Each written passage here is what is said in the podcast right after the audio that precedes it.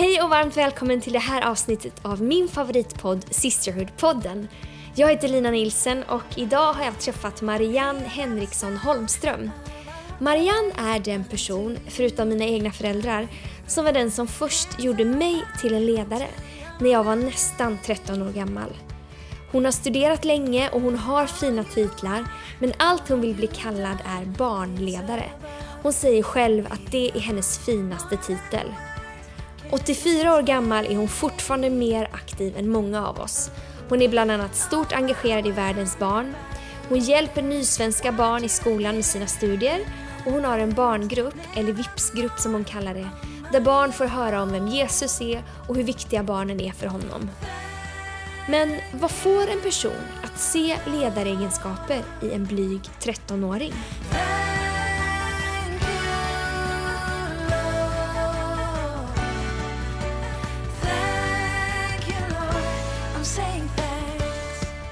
Idag får jag sitta hemma hos Marianne Henriksson Holmström.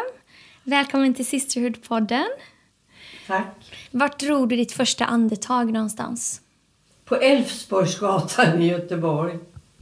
På Älvsborgsgatan? Var Ja, det ett sjukhus fanns- där eller var det Det, hem? nej, det var ett förlossningshem och min mamma födde mig där. Eh, sen flyttade vi till Kalvsund omedelbart efter det för min pappa var ju tullare där. Just det. Så har du bott i Göteborg, Göteborgsområdet hela ditt liv? Ja, jag har bott på samma gata. Oh, wow. Får jag fråga när du föddes? Ja, i april 34.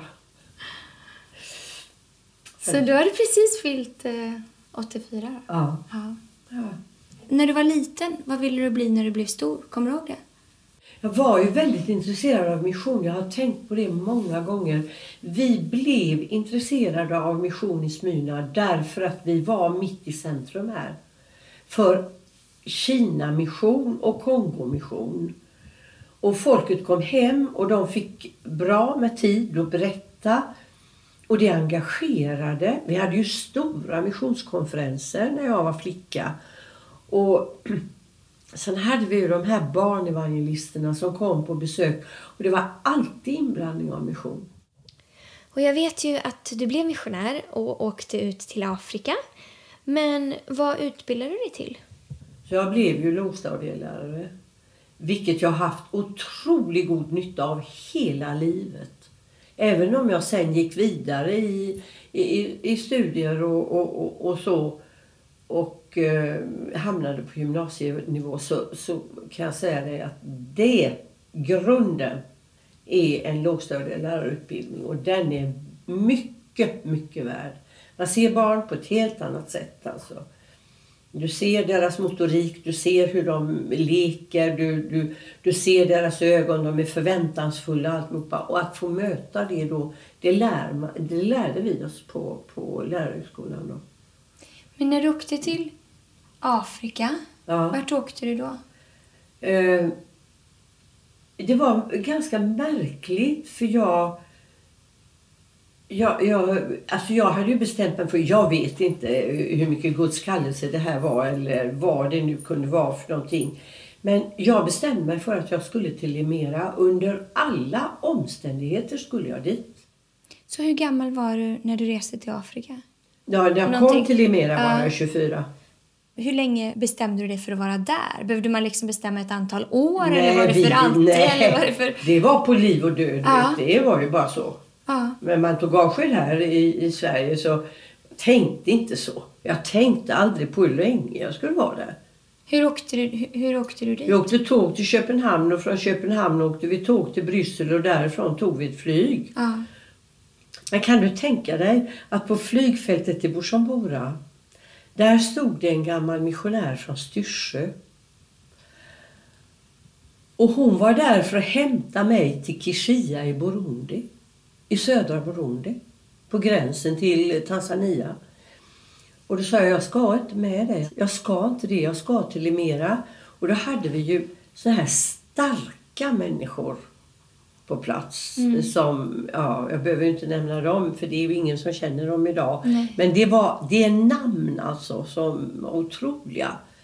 Och, och då sa han så här, nej Marianne ska ha en klass på, på lärarhögskolan i, i Limera. Ja. Så jag kom dit. Och då tänkte jag på vägen upp där. Då tänkte jag så här. Det här blir min död. Var det så här jag skulle dö? För det var en som var 16 år som körde bilen.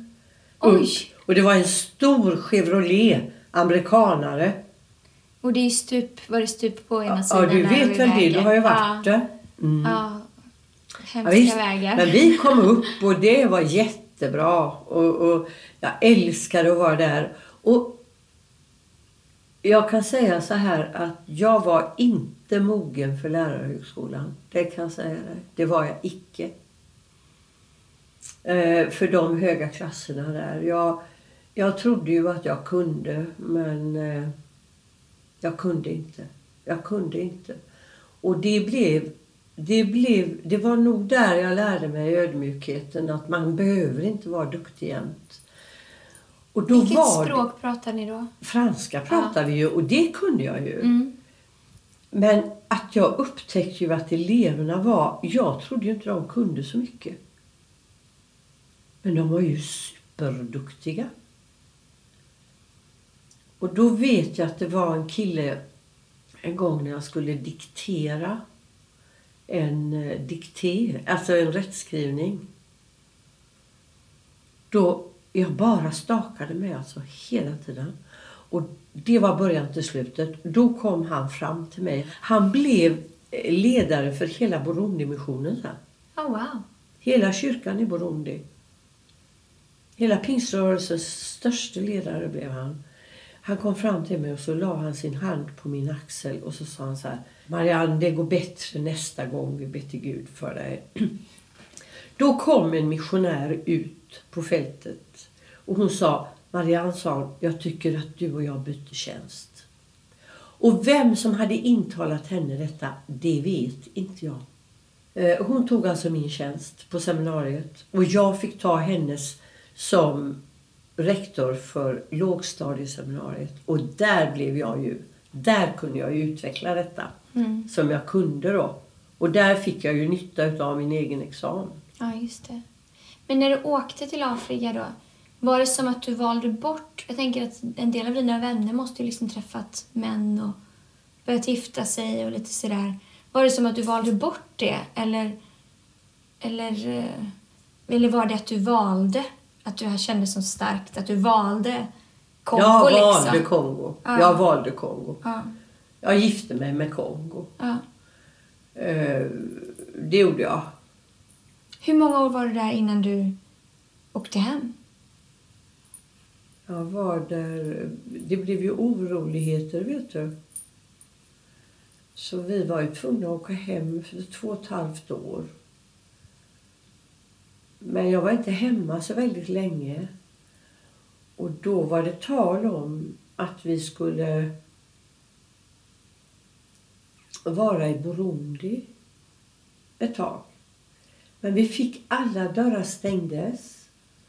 Och ja, vi hamnade på Limera igen. Så jag var sammanlagt fem år på Limera. Mm.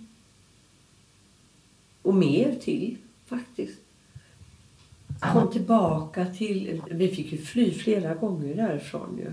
För att det blev oroligheter och krig. Och... Ja visst, alltså det var ju ett sammelsurium utan all like. Hur var det när du hade kommit hem från Kongo? Kom du hem till Göteborg? Vad gjorde du då? Nej, De kallade ju hem mig. Ja. De, ville ju, de pratade ju med mig om det när jag var hemma. Jag hade en vision om att man skulle ha barnverksamhet men att man också skulle rikta sig eh, till de som inte mådde så bra.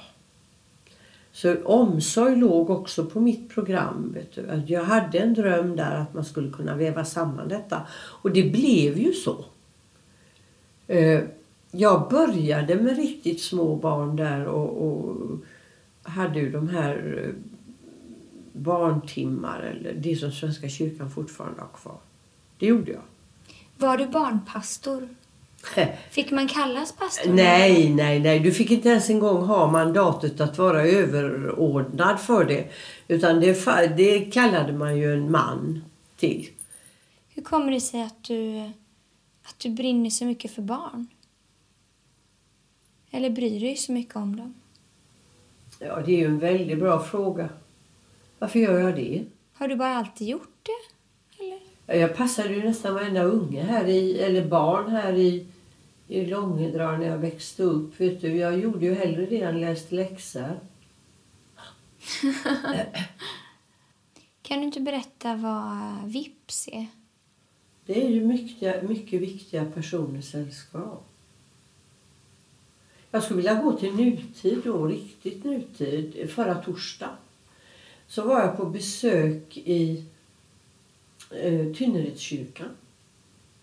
Där arbetar en församlingspedagog. Hon bygger upp eh, bord med, med påskens hela evangelium. Hon glömmer inte himmelsfärden och återkomsten. Hon har, de har julspel här från skolan varje år och, och sådana här saker. Jag kom dit då förra torsdagen och så sa jag, vet ni vad jag kallar... Då hade hon ungefär 30-40 barn som satt där. Jag var inbjuden av tre flickor i klassen som jag undervisade. Och så kan du inte komma till våran kompisklubb. Och så här, vet ni vad jag kallar en sån här skara barn för? Jag kallar dem för mycket viktiga personers sällskap. På engelska då heter det ju så här. Och så sa jag det på engelska. Åh, så fint, sa de allihopa. Åh, så fint. Och då tänkte jag så här, det har nästan dött ut. Då säger hon så här, den här människan. Jag har bett till Gud om ett namn. Jag tycker vi skulle heta, heta någonting annat En kompisklubb. Vi kan heta Vips. Så jag fick skriva det på tavlan. Nu har jag en massa grejer här till henne. Och hon ska få hela köret av mig med Vips-knappar och, och allt sånt där. För nu ska de heta Vips och nu finns det på Tynneredskyrkans hemsida. Mm. Och det, jag lovar dig att det kommer att sprida sig igen. Därför att det här är ju barnen. Det här är barnen. Mm. Mycket viktiga personer. Ja, alltså han tar dem och ställer dem och säger så här. Kolla här, det är dem. Det är dem, säger han. Och varför han gör det, det har jag funderat på. Hade de lätt för att se honom i ögonen, tror du? Förmodligen. Ja. Hade de lätt för att älska en som älskar med ögon och händer så att han kunde få ta dem i knät. Små främmande barn. Det måste ha varit något sånt. Och så säger han så här. Han, han förmanar dem inte. Han håller inte på med en massa grejer. Hur de ska be och hur de ska göra med sina föräldrar och alla möjliga grejer. Utan han välsignar dem.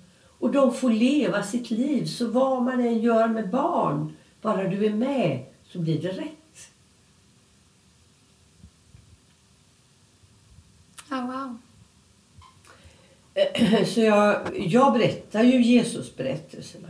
Det gör jag. Men jag sätter mig också i låg ställning själv och jag känner så här att vips är det bästa som har hänt mig i nutid. Jag har ju nästan bak och fram här nu. Jag säga allt möjligt. Men... Ja, eh, alltså det viktigaste är inte vad jag säger utan det är hur jag är emot dem. Förstår du? Att jag mm. tar emot, att jag han bryr sig om varenda en, vill ha oss hem till himmelen. Han vill att vi ska vara som han, så generösa som vi kan. Trots alla felen som vi har så är han vår mäktige far. Så är det. Mm. Så jag, jag, jag tycker kanske att det är lite för mycket ståhej ibland. Jag har ju barn här i området som söker upp här och kommer upp här. Och det är märkligt alltså. Det är märkligt. Jag kan få sådana här eh, frågor som jag aldrig trodde jag skulle få. Tror du på Gud? Så. Ja, jag skulle annars tro på, säger jag. Bra svar. Ja, och de får inget annat. Nej. Nej. Men du, när jag var... När jag gick i mellanstadiet, då var jag med i VIPS då. Och du var min ledare. Och då var jag 12 och sen så blev jag för stor för att vara med i VIPS när jag skulle bli 13. Jag och en kompis. Men då bara... Jag vet inte hur du gjorde, men du bara fångade upp mig och henne och så plötsligt var vi ledare för VIPS. För att vi skulle kunna vara kvar. Så varför gjorde du det? Hur, liksom... Var, är det bara ett infall att du vill omfamna alla eller... eller för så som jag ser det var, är ju du den som gjorde mig till en ledare första gången. Att jag kunde leda någonting. Eh, jag bara tog dem. Därför att jag kände att här finns en potential. Eh, det, det är bara att bejaka. De sjunger bra, de, eh, de finns med. Kom igen, var förebilder. Därför att jag, jag tror att det är väldigt viktigt att man Ja, att man har alltså alla åldersgrupper så att de får vara förebilder. Men det går inte bara att ha unga, förstår du? För de unga måste ha någon i ryggen. Jag minns inte heller att du... Jag antar att vi, när man är 13 år, då är man ju kanske inte en jättebra ledare utifrån erfarenhet sådär. Och vi gjorde galna grejer och vi gjorde spökrunder som inte var helt... Jag vet inte om alla föräldrar hade tyckt om det. Men jag minns inte att du förmanade oss en enda gång. Nej, men ni gjorde ju det så bra. Vad skulle jag förmana därför? Men jag måste berätta för dig om min tioåring. Som hände igår på Kalvsund i min Vipsklubb.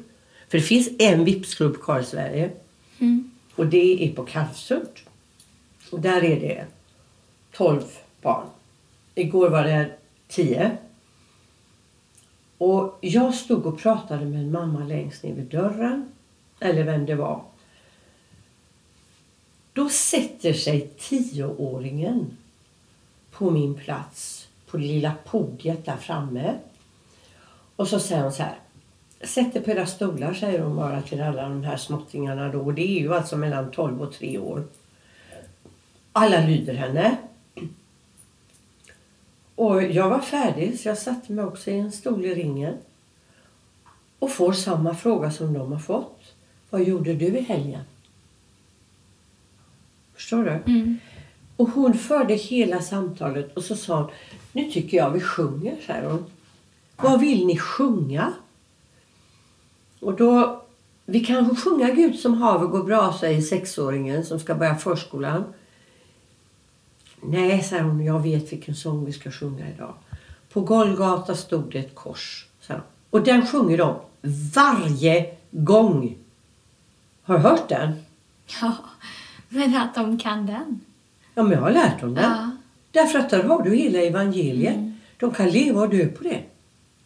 Och uppstå också. Ja. Wow. På Golgata stod det ett kors. I trädgården fanns det en grav. Men korset är tomt och graven är tom. Jesus har uppstått, han lever. Och du ska höra när de säger detta, tom och han har uppstått. Det är så det exploderar. Det, det är ju så att de, de tillhör Guds rike. Absolut. Mm. Och detta gör alltså en tioåring. Förstår? Så jag har skrivit ett sms till henne idag och sagt att du är ju bäst. Du gjorde det så bra och jag är så tacksam för att du vill vara där och bistå mig och göra det jag inte kan. Jag kan inte leka riktigt bra. Men hon hittar på lekarna. Och så säger hon så här till mig. Ska du gå ut och leka idag också? Så jag, för förra gången ville de det. Nej, idag ska vi vara inne. För det är nämligen så att de har kommit till mig och sagt att får vi inte leka, eh, inte nudda golv, så har vi inte haft vips. Förstår du? Ja. Och där kan du ju få hjälp av en tioåring. Ja. Men det är, ju, det är ju fantastiskt ledarskap. Att man inte behöver vara bäst på allting själv utan att man kan oavsett vem det är liksom hjälpa andra att, att få blomstra i sina gåvor och komma fram och hjälpa till och leda. Och... Men du, eh, kan du inte berätta om Stig? Jaha du. Hur gammal var du när du träffade Stig? 45 år var jag. Och då kände jag nog att det var dags att bryta Ja, det, det var en förberedelsetid där. Den var ganska märklig. Eh, Det tycker jag idag att det var. Att man liksom gick omkring och, och, och, och längtade. Och det underliga var att folk kom och sa till mig. Ska du inte gifta dig med, med vem då? sa då. Sa de det till dig när du var 40? Ja, det har de sagt hela livet. Men jag tyckte ju aldrig att jag var bra nog. Och det har jag aldrig tyckt. Jag har ju att kämpa med det fortfarande. Eh, Att jag inte duger riktigt. Eh, Jag tror att ibland kan det vara bra. För det håller en på mattan. Ja, det, det, det gör det. Men så var ju och åkte skidor, vet du. Han gav ju sig inte den här karln. Jag blev, eh, som jag sedan eh, blev gift med. Eller som, ja, jag vet inte vem det var som friade. Det har jag ingen aning om idag. Det har jag glömt. Men då lärde han ju mig att åka skidor. Och det blev ju en av mina passioner. Det var ju liksom där jag kom igång med rörelser. Att kroppen ändå var viktig. Så du lärde dig åka skidor när du var 45? Ja, Ja. det gjorde jag. Vad häftigt, för det kan man ju tänka att en del, någon som är över Men 40, jag- tänker det är för sent. Det, det var, jag har ju åkt skidor till bara för ett par år sedan. Nu gör jag det inte mer. Därför att det är inte för skidornas skull. Utan det är så här att man ska resa sig upp i backen. Nu tror jag att jag skulle kunna göra det idag. Eftersom jag är vigare nu än för fem år sedan. Hur har du blivit det? Har du... Ja, men jag har tränat upp de musklerna. Att resa mig snabbt ifrån golvet och, Ja. och så. Och man reser sig på sitt sätt. Det behöver inte vara att man bara lyfter rumpan och, och, sådär. Utan du, du kan gå upp på knä och, och ställa dig eller göra någonting. Man behöver inte vara rädd för att visa att man är lite halvklumpig. Förstår du? Så det, jag tror att jag skulle kunna åka skidor än. Ja. Jag älskar ju slalom. Fort ska det gå och det, ja, det var jätteroligt. Ah. Men där vann han ditt hjärta på något sätt då? Eller? Ja, han, jag tyckte ju att han var väldigt, väldigt, väldigt bra. Eh, han hade ju också ett, ett väldigt bejakande öga och öra. Och förstod ju ungdomars behov liksom. Jag tror ju att han, är, han var en väldig förebild och jag tror att vi gjorde det bra som ett par också där. Han hjälpte ju till alltså med mycket och vi gjorde ju de här storlägren, vipslägren och han, han, det var ju ingenting som var svårt för denna man. Men eh, när du, när du gifte dig med Stig, då fick du några barn va? På köpet? Jag fick tre barn på köpet. Vet du vad jag brukar säga? En lott har tillfallit mig i det ljuvliga. Ett arv som behagar mig väl. Och jag har ju hela min familj här så att, eh, och runt omkring mig jämt. Så hur många barnbarn har du nu? Ja, det är åtta barnbarn och tretton barnbarnsbarn. Så det är ju lite grann när man ska eh, se efter vad alla ska ha. Och- Ja, precis. Ja, här finns ju barn som ringer ett par gånger i veckan. Och barnbarn, särskilt barnbarn. Du vet, jag var ju så pass gammal så jag skulle ju egentligen inte kunna vara barnens mamma. Utan det har ju blivit mycket att barnbarnen har blivit mina barn också. Umgås mycket och, Just det. och så. Ja, För de har du känt sedan de var bebisar. ja, de har eller aldrig haft någon annan Nej, precis. egentligen. Men eh, Så de, de pratar ju aldrig om något annat. Utan för dem är jag deras mormor och farmor. Och ja, det... Jag tror att det är... Jag tror att vi är en mycket lycklig familj egentligen. Men du, eh, på dagarna. Vi pratade om det förut, att du är på en skola fortfarande. Och vad gör du där? Ja, eh, det är ju svenskan de inte kan. Men jag undervisar också i religion och historia och eh, ja, matte kanske. Lite svenska. Särskilt svenska. Jag tycker mycket om svenska. Det är ju mina ämnen. Liksom. Hur håller du dig passionerad år efter år? Umgås med folk som är passionerade. Dig till exempel. Att jag tittar på dig ibland och, och det ljuset jag har fått av dig här. Men tänker du aldrig, eller har du, har du tänkt någon gång så här, nej nu lägger jag av, nu orkar jag inte mer? Med vad det nu kan ha varit i någon säsong. Ibland har jag tänkt det när det är frost på vägarna på Kalvsund så tänker jag, undrar hur länge jag ska hålla på och gå i den backen där jag går ett steg fram och glider ner två när det är halt. Nej men jag blir, eh, jag har väldigt lätt för att, att återhämta mig eh, inspirationsmässigt. Vad är ditt bästa råd för att orka längre? Vad gör du?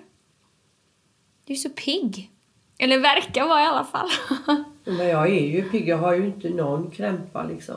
Tränar du? Ja, det gör jag. Jag tränar. Jag tränar, jag går på Sats. Det, det är ju en förmån man har när man är anställd av någon där det finns hälsovård. Så att eh, ja, jag går på Sats. Jag går tre, fyra gånger i veckan. Men så fryser jag ju då när jag är på Kalvsund till exempel för då kan jag ju gå i bergen och, och gå runt och öva musklerna. Det, det är ju det här att du inte ska sitta still mer än en halvtimme i taget. Mm. Det har vi gjort nu. Det har vi gjort nu. Jag får vi ställa oss upp lite. Röra lite. Får stå upp här lite stund. Mm. Men du, eh, om du skulle ge ett råd till dig själv för 50 år sedan. Vad skulle du säga då? Vad hade du behövt höra? Jag vet faktiskt inte vad jag skulle sagt. Vad skulle jag sagt till mig för 50 år sedan när jag var 34? Fortsätt. Ge aldrig upp. Jo, jag vet! Min faster sa det alltid. Kanske är synd att säga så. Skam den som ger sig. Spötta i nävarna och gå vidare. Ja. Det är bra. Har du något favoritbibelord? Ja, det har jag. Och det har jag översatt till en normalsvenska för att alla skolbarn ska veta vad det är. Och det är, det är coolt att vara snäll. Och det är allt vad det viljen att människorna skola göra i det. Det gör ni och dem. Mm. Och så detta. Jesus säger älska varandra. Om, eh, vad skulle du säga att Jesus har gjort för dig? Han har ju alltså Förutom att han är min frälsare, vet du. Som ändå gör mig odödlig på något sätt. Så är han ju också en mycket stark förebild. Vad drömmer du om nu? Jag drömmer om en församling där man bejakar mångfalden. Och där man vågar se människors kapacitet och akta den andra för mer än sig själv. Det, det är vad jag drömmer om. Eh, det är väl där jag stöter på stenarna, skulle jag vilja säga.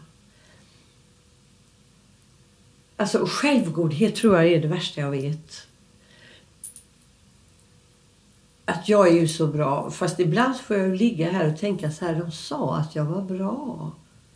Jag kanske är det ibland tänker jag då. Vad vet jag? Fast för det mesta så har nog fötterna väldigt mycket på jorden. Jag är, vet du vad jag brukar säga?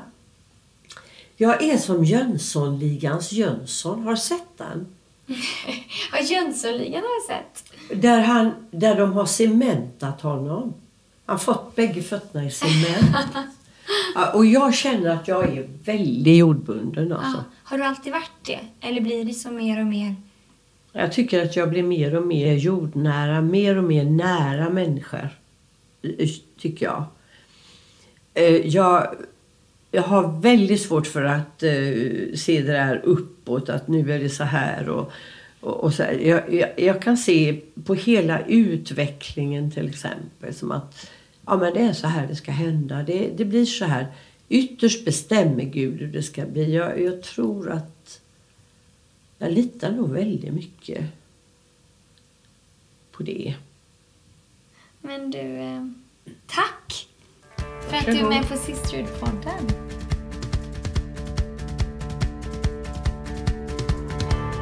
Marianne är en person som ser individen. Hon ser dem som inte alla andra ser och hon ser särskilt barnen.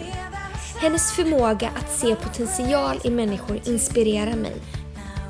En sån person vill jag vara. Som ser potential i andra, som ser guldet i andra och som uppmuntrar dem framåt. Tänk om vi kunde vara ett sånt sisterhood, eller ett sånt samhälle som ser guldet i varandra och lyfter fram varandra. Som uppmuntrar. Som inte bara ser det som finns på ytan heller, utan ser det som finns på insidan och ser de personer som vi kan bli. Vad finns det egentligen som hindrar oss? Låt oss göra det. Skam den som ger sig. Spotta i nävarna och gå vidare. Spotta i nävarna och gå framåt.